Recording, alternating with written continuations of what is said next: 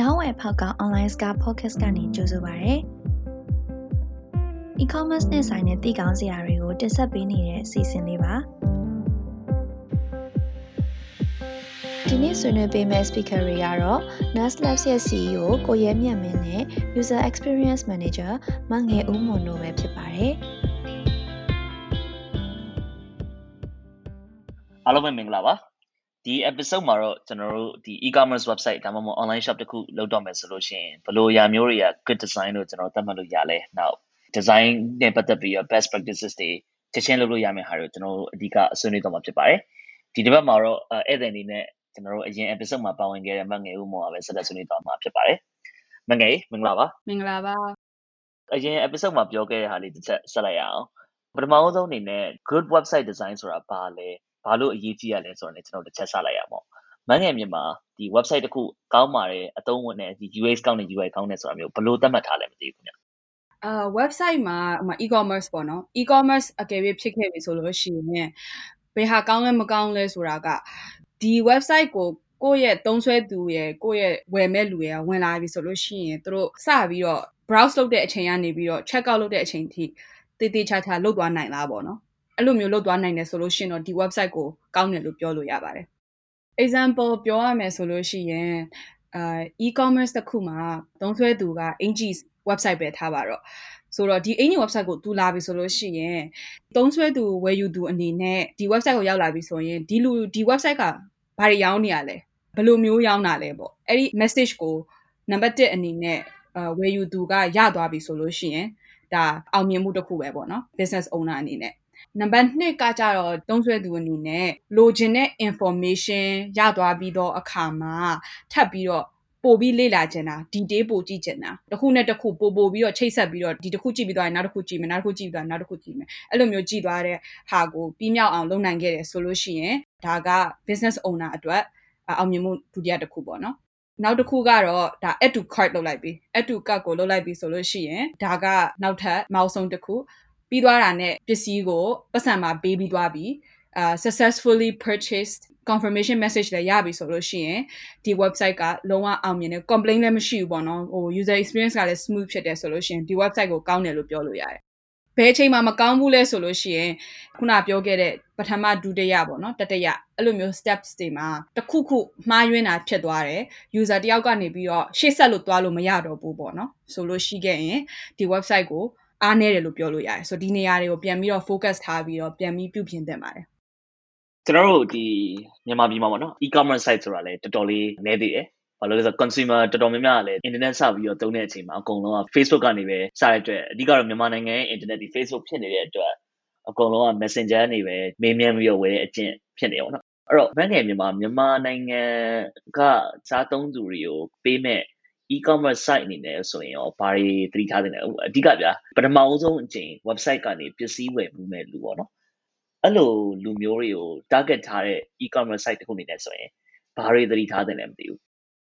အဓိကအရေးကြီးတာကဘာလဲဆိုလို့ရှိရင်ပွင့်လင်းမြင်သာမှုပေါ့ဆိုတဲ့အခါကျတော့ပထမဆုံးသုံးဆွဲသူအနေနဲ့ဒီ e-commerce site ကိုရောက်လာပြီဆိုလို့ရှိရင်ပွင့်ပွင့်လင်းလင်းနဲ့ business owner ကငါဘာရောက်ပါတယ်ဒါဘယ်လောက်ကြပါတယ်ဒါကဘာပါလဲပေါ့ အဲ့ဒီဥစ္စာကိုပေးထားရမယ်ပြီးတဲ့ခါကျလို့ရှိရင်လည်း business owner အနေနဲ့သူ့ရဲ့ဒီ branding ပေါ့နော်ဟိုဝယ်ယူသူအနေနဲ့မြင်တဲ့ခါကျလို့ရှိရင်အော်ဒါက legit ဖြစ်ပါတယ်ပေါ့နော်ဒါကတကယ်မှန်ကန်တဲ့ site ငါစိတ်ချလို့ရပါတယ်ဆိုတော့ feeling safety ပေါ့နော်အဲ့လိုမျိုးပေးနိုင်တယ်ဆိုလို့ရှိရင် အကောင်းဆုံးဖြစ်နိုင်ပါတယ်အဲ့တော့ဒါတွေကိုထည့်စဉ်းစားထားပါတော့ဒါတွေကသတိထားတဲ့အချက်တွေလည်းရှိတယ်ဒါတွေကဓာတ်ပုံတွေဖြစ်နိုင်တယ်စာတွေဖြစ်နိုင်တယ်ဒီဇိုင်းဖြစ်နိုင်တယ်ပေါ့နော်အဲ့လိုအပိုင်းတွေအကုန်လုံး call to action ပေါ့အဲ့ဒါတွေအကုန်လုံးကို business owner အနေနဲ့သတိထားပါပေါ့ဘာဖြစ်လို့လဲဆိုတော့အဲ့ဒီအချိန်မှာတင်ပဲ friction ဖြစ်သွားနိုင်တယ်ဒီသုံးဆွဲသူကလာပြီးဝယ်ယူသွားလာပြီးအဲ့ဒီချိန်မှာအဲ့လိုမျိုးတစ်ခုခုပေါ့နော်အကြောင်းကြောင်းတစ်ခုခုကြောင့်တွေးလိုက်တဲ့အချိန်မှာလန့်သွားမယ်ဟိုဟာ user experience ကြောင့်ဖြစ်မယ် design ကြောင့် visual design ကြောင့်ဖြစ်မယ်သူ့မှာလန့်သွားမယ်ဆိုလို့ရှိရင်ဒီလူကိုဆုံးရှုံးသွားလိမ့်မယ်ပေါ့နော်ဒီဗမာနိုင်ငံမှာ website ဒီ e-commerce site တွေတိတ်မရှိသေးဘူးအဲ့ဒီခါကျတော့အာဒါနဲ့အလားတူပေါ့နော်စတင်တဲ့ဟာပါလဲဆိုတော့ Facebook ဆိုင်တွေပေါ့ Facebook ဆိုင်တွေဘာတွေမှာတွေ့ရတဲ့အခါကြလို့ရှိရင်ဘာတွေနည်းနည်းလိုအပ်ချက်လေးတွေရှိရပေါ့နော်ဆိုတော့လိုအပ်ချက်လေးတွေကဘာဖြစ်နိုင်လဲဆိုတော့ content management နည်းနည်းလိုသေးတယ်ဘာဖြစ်လို့လဲဆိုတော့ content management လိုအပ်ချက်လိုလိုသွားတယ်ပေါ့နော်သူတို့ပြောချင်တဲ့စကားသုံးချင်တဲ့ဓာတ်ပုံအဲ့ဒါတွေက တည်တည်ချာချာခုနပြောခဲ့သလိုပဲပွင့်လင်းမြင်သာမှုမရှိဘူးဆိုလို့ရှိရင်သုံးဆွဲသူဝယ်ယူသူအနေနဲ့ကစိတ်ဝင်စားမှုညော့နေသွားနိုင်တယ်ပေါ့နော်ဆိုတဲ့အခါကျတော့အဲ့လိုမျိုးအားနည်းချက်လေးတွေတော့တွေ့ပါတယ်နောက်တစ်ခုကျွန်တော်ဗာသတိထားမိတယ်ဆိုတော့ကျွန်တော်မြန်မာနိုင်ငံမှာရှိတဲ့ဒီ e-commerce site တော်တော်များများမှာဒီ checkout flow ပေါ့နော်အာ user တယောက်က add to cart လုပ်လိုက်ပြီတကယ် checkout လုပ်တော့မယ်ဆိုလို့ရှိရင်အဲ့ flow ကနည်းနည်းကြာတာပေါ့နော် process ကြီးအရှိကြီးဖြစ်တာကိုကျွန်တော်တွေ့ရတယ်အဲ့ပုံမှာ ကျွန်တော်ဗာစနာမိလဲဆိုတော့ check out flow ကြားရဲဆိုလို့ရှိရင်ကျွန်တော်တို့ကိုယ့်ရဲ့ website မှာတကယ်ဝင်နိုင်တဲ့ conversion rate ပေါ့နော်တကယ်ဝင်နိုင်နှုန်းများထိခိုက်မှုရှိမလားဒါ number 1ပေါ့နော် number 2က check out flow ကြာပြီးရှုပ်တဲ့အတွက်ဟို user ရဲ့ frustration level လည်းပိုပြီးတော့တက်လာနိုင်တယ်ပေါ့နော်အဲ့တော့မငယ်မြန်မာဒီ check out flow တွေကိုပို့ပြီးတော့ improve ဖြစ်အောင်ဘာတွေလုပ်ထားတဲ့တယ်မသိဘူး check out flow နဲ့ပတ်သက်ပြီးတော့တခုရှိရပေါ့ကိုကိုတိုင်းလည်းဒီတခြား project တွေမှာမြင်ခဲ့ရတဲ့ဟာပေါ့နော်အာဒါကဟို website တွေမကောက်ဘူး application မှာလည်းမြင်ရတယ် check out မှာဘာရေးကြည့်လဲဆိုတော့ပတ်စံပေးတာလေ check out ကအဲ့တော့ပတ်စံပေးဖို့အတွက်ကကို user ကိုကတခုကိုရောင်းပြီဆိုရင် user တယောက်အနေနဲ့ကလည်းဒါကိုလိုချင်တယ်ဆိုတာသိကြပြီအဲ့အတွက်ကြောင့် तू ကဘာလိုချင်လဲဆိုတော့ငါဒါကိုပတ်စံပေးလိုက်ပြီးတော့ငါစီကိုရောက်လာတော့မယ်ဆိုတဲ့ feeling ကိုအမြန်ဆုံးလိုချင်တာပဲ ဘယ်သူမဆိုအခုချက်ချင်းတွေ့အခုချက်ချင်းလိုချင်ကြတာလေဆိုတဲ့အခါကျတော့အဲ့ဒီ feeling ကိုကိုက business owner အနေနဲ့ site အနေနဲ့ application အနေနဲ့ကိုကဒါကိုကူညီပေးရမယ် user အတွက်ပေါ့နော်အဲ့ဒီနေရာမှာပတ်စံပေးရတဲ့ဟာကအနှောက်အယှက်ဖြစ်နေတာပေါ့နော် banking ပေါ့ banking infrastructure ဒါကတော့ topic နောက်တစ်ခု အခုဟာကလွယ်လွယ်ကူကူနဲ့ပတ်စံပေးလို့မရဘူးပတ်စံပေးရတဲ့ platform တွေကတအားများနေတယ်ဆိုတော့ဟိုပေးနဲ့ပေးလိုက်အောင်ဒီပေးနဲ့ပေးလိုက်အောင်ဒါလေးနဲ့လွှဲလိုက်အောင်တက်ပါတီဟာတွေကိုဝင်သွားပါအောင်အဲ့လိုမျိုးပေါ့နော်အဲ့လိုဟာလေးတွေကအနောက်ရှက်လေးဖြစ်နေတယ်ပြီးတော့တခြားနိုင်ငံလိုမျိုးလေသူတို့ဘာသာသူတို့ဒီ visa master နဲ့ check out တခါတည်းလုပ်သွားလို့လဲမရနိုင်မရသေးဘူးပေါ့နော်အဲ့တော့အဲ့ဒီတစ်ခုကတော့ကိုယ့်ရဲ့ business owner တွေအတွက်ကတော့ pain point တစ်ခုပေါ့နော်ပြင်ဆင်လို့တော့မရသေးဘူးဒါပေမဲ့ကိုယ့် user တွေကိုဒီကိစ္စနဲ့ပတ်သက်ပြီးတော့ဘယ်လိုဖြေရှင်းပေးလို့ရမလဲဆိုတာကိုတော့စဉ်းစားပေးလို့ရတယ်ပေါ့နော် ကျွန်တော်တို့ e-commerce ဆိုပြောလို့ရှိရင်တော့အမှန်တကယ်တော့ payment အကြောင်းမပြောလို့မရဘူးဖြစ်နေအောင်ပေါ့နော်ခုနမငယ်မငယ်ပြောလို့ payment app တွေကဒီဟိုနေ့ကကျွန်တော်အတိအကျနဲ့စကားပြောတော့ဘာဘာပြောလဲဆိုတော့တကယ် online မှာ transaction ကိုတကယ်လူတိုင်းစီက market က80%လောက်စီကလက်ခံကျင်နေဆိုလို့ရှိရင်အနည်းဆုံး payment ကိုကိုမျိုးရှိမှရမယ်ပေါ့နော်ဟိုကိုကကိုမျိုးလောက်နဲ့ချိန်ထားမှရမယ်ဒါပေမဲ့အဲ့မှာလည်းကျွန်တော်ဘာပြဿနာကြုံရလဲဆိုတော့ payment gateway ကတစ်ခုနဲ့တစ်ခုကသူတို့လည်း UX ကမတူဘူးဥပမာတချို့ payment gateway ကအာတချို့ pay ရဥပမာထားပါ3 step လောက်နဲ့ payment တစ်ခုလုံးကိုကျွန်တော်တို့အစားဆုံးလုပ်လို့ရတယ်အဲတချို့ကြလည်း step 9ခုလောက်ကြားထဲမှာပါတယ်ပေါ့နော်အဲ့တော့ online shop လုပ်မဲ့လူတွေအတွက်ကနည်းနည်းလေးကောင်းစားရတယ်ဘာလို့လဲဆိုတော့ကိုယ့်ဘက်ကဘယ်လိုပဲ check out flow ကိုကောင်းအောင်လုပ်ထားလုပ်ထား at the end of the day နောက်ဆုံး step ကြရင်တော့ပတ်စံပေးမယ်ဆိုလို့ရှိရင် payment app တော့ရောက်ပါပဲလေ အဲ့တော့အဲ့ payment app ထဲရောက်သွားရင် user တော်တော်များများအဲ့မှာ loss ဖြစ်သွားတယ်ကျွန်တော်တို့တွေ့ရတယ်တချို့ကျွန်တော်တို့ရဲ့ customer တွေအတိမိတ်ဆွေဒီ e-commerce site လုပ်နေရဆိုတော့အရင်ပြောကြတယ်နောက်ဆုံး bounce rate ကဘယ်ရောက်သွားလဲဆိုတော့ဒီ payment တွေကိုကိုယ့်လက်ထဲကလွတ်ပြီးတော့ payment တွေဝင်သွားရင်လုံးဝ black box ပဲ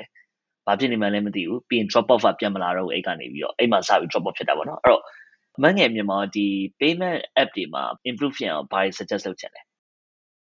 payment နဲ့ပတ်သက်ပြီးတော့ technology ဘက်နဲ့ဆိုရင်တော့တိုးတက်လားမတိုးတက်လားတော့မသိဘူး design solution အနေနဲ့စဉ်းစားရမယ်ဆိုလို့ရှိရင်တော့လေအမကဘာသဘောကျလဲဆိုတော့ Facebook ဆိုင်တွေလုပ်နေတဲ့ cash on delivery ပေါ့နော်အဲ့ဒီကိစ္စက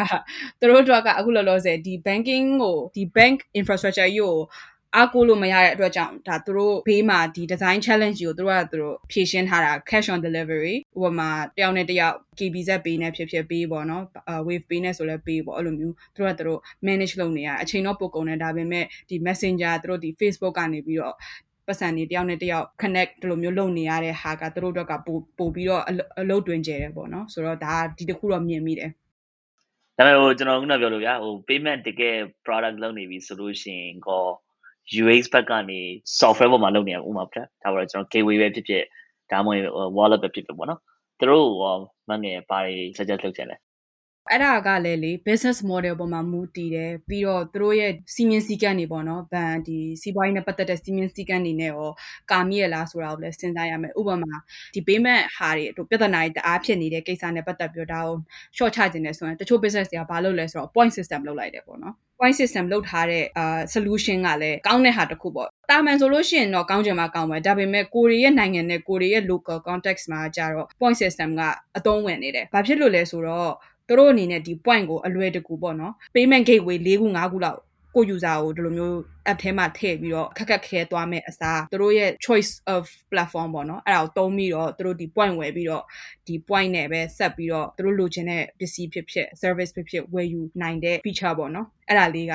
အခုလောလောဆယ်တော့ကိုယ့်ရဲ့ local မှာတော့အဆင်ပြေနေတယ်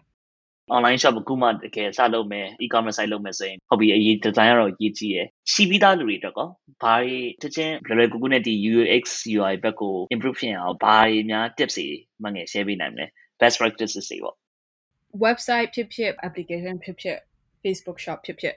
အဲ့ဒီကိစ္စနဲ့ပတ်သက်ပြီးတော့ design ကို improvement ဆိုလို့ရှိရင် number 1ဟိုရင်ကလည်းပြောခဲ့တယ် objective ကိုကဘာ message ပေးချင်တာလဲရှင်းရှင်းလင်းလင်း နဲ့ပြောပြပေးပါကိုယ့်ရဲ့ user တွေကိုအဲ့ဒါပြီးသွားပြီဆိုလို့ရှိရင် call to action ပေါ့နော် call to action ထားတာပါကိုက immediately ဒီလူကိုဘာလုပ်စေချင်တာလဲဆိုတာ website မှာတခါတည်းမြင်မြင်အောင်လို့ပထမဆုံးအဲ့ဒီဟာကိုအရင်ဆုံးပြထားပေးပါနောက်တစ်ခုကကြတော့ visual design ပေါ့နော်ဒီ visual design ရောက်လာပြီဆိုလို့ရှိရင် visual design မှာစဉ်းစားတဲ့အချက်လက်တွေဘာဖြစ်မလဲဆိုလို့ရှိရင် color ရှိမယ် grid ရှိမယ် white space ရှိမယ်အဲ့လိုမျိုးစသဖြင့် အဲ့ဒီဟာတွေကိုတည်တည်ချာချာစဉ်းစားပြီးတော့တိဆောက်ပြီးပါ။ဘာဖြစ်လို့လဲဆိုတော့လူတွေရဲ့အမြင်အမြင်မှာပေါ့နော်။အဲရှင်းရှင်းလင်းလင်းရှိတဲ့ဟာမျိုးကာလာကိုတည်တည်ချာစဉ်းစားပေးထားရဆိုလို့ရှိရင်လည်းလူတွေအနေနဲ့ကြည်ရတာပို့ပြီးတော့တဟဇာတာဖြစ်တယ်ပေါ့နော်။ဆိုတဲ့အခါကျလို့ရှိရင်တို့အတွက်ပို့ပြီးတော့ပျော်စရာရွှင်စရာကောင်းတဲ့ဒီ website ကိုလာပြီးတော့ကြည်ရတာပေါ့နော်။ခေါင်းထဲမှာခေါင်းမကိုက်စေဘူးပေါ့လာကြည့်ရတာ။ဆိုတော့ဒီလို design ဟာလေးတွေလည်းစဉ်းစားသင့်တယ်ပေါ့။ဟုတ်ကဲ့ပါကျွန်တော်တို့ဒီ episode မှာတော့ discussion ကတော့ဒီလောက်ပါပဲ ဒီ now episode ကြလို့ရှိရင်တော့ဒီ design mistake တွေပေါ့နော်ရှောင်ရမယ့်အချက်တွေကိုကျွန်တော်တို့ဆက်လက်ပြီးဆွေးနွေးတော့မှာဖြစ်တဲ့အတွက်ဆက်လက်နားဆင်ပေးပါလို့ကျွန်တော် request လုပ်ပါတယ်အားလုံးကိုကျေးဇူးတင်ပါတယ်နောက်ထောင်ပေးတဲ့အတွက်ကျေးဇူးတင်ပါတယ်နောက် episode တွေမှာဘယ်လိုစိတ်ဝင်စားစရာအကြောင်းအရာတွေကိုဘယ်သူတွေကဆွေးနွေးပြမယ်ဆိုတာစောင့်မျှော်နားဆင်ပေးကြပါအောင်နော်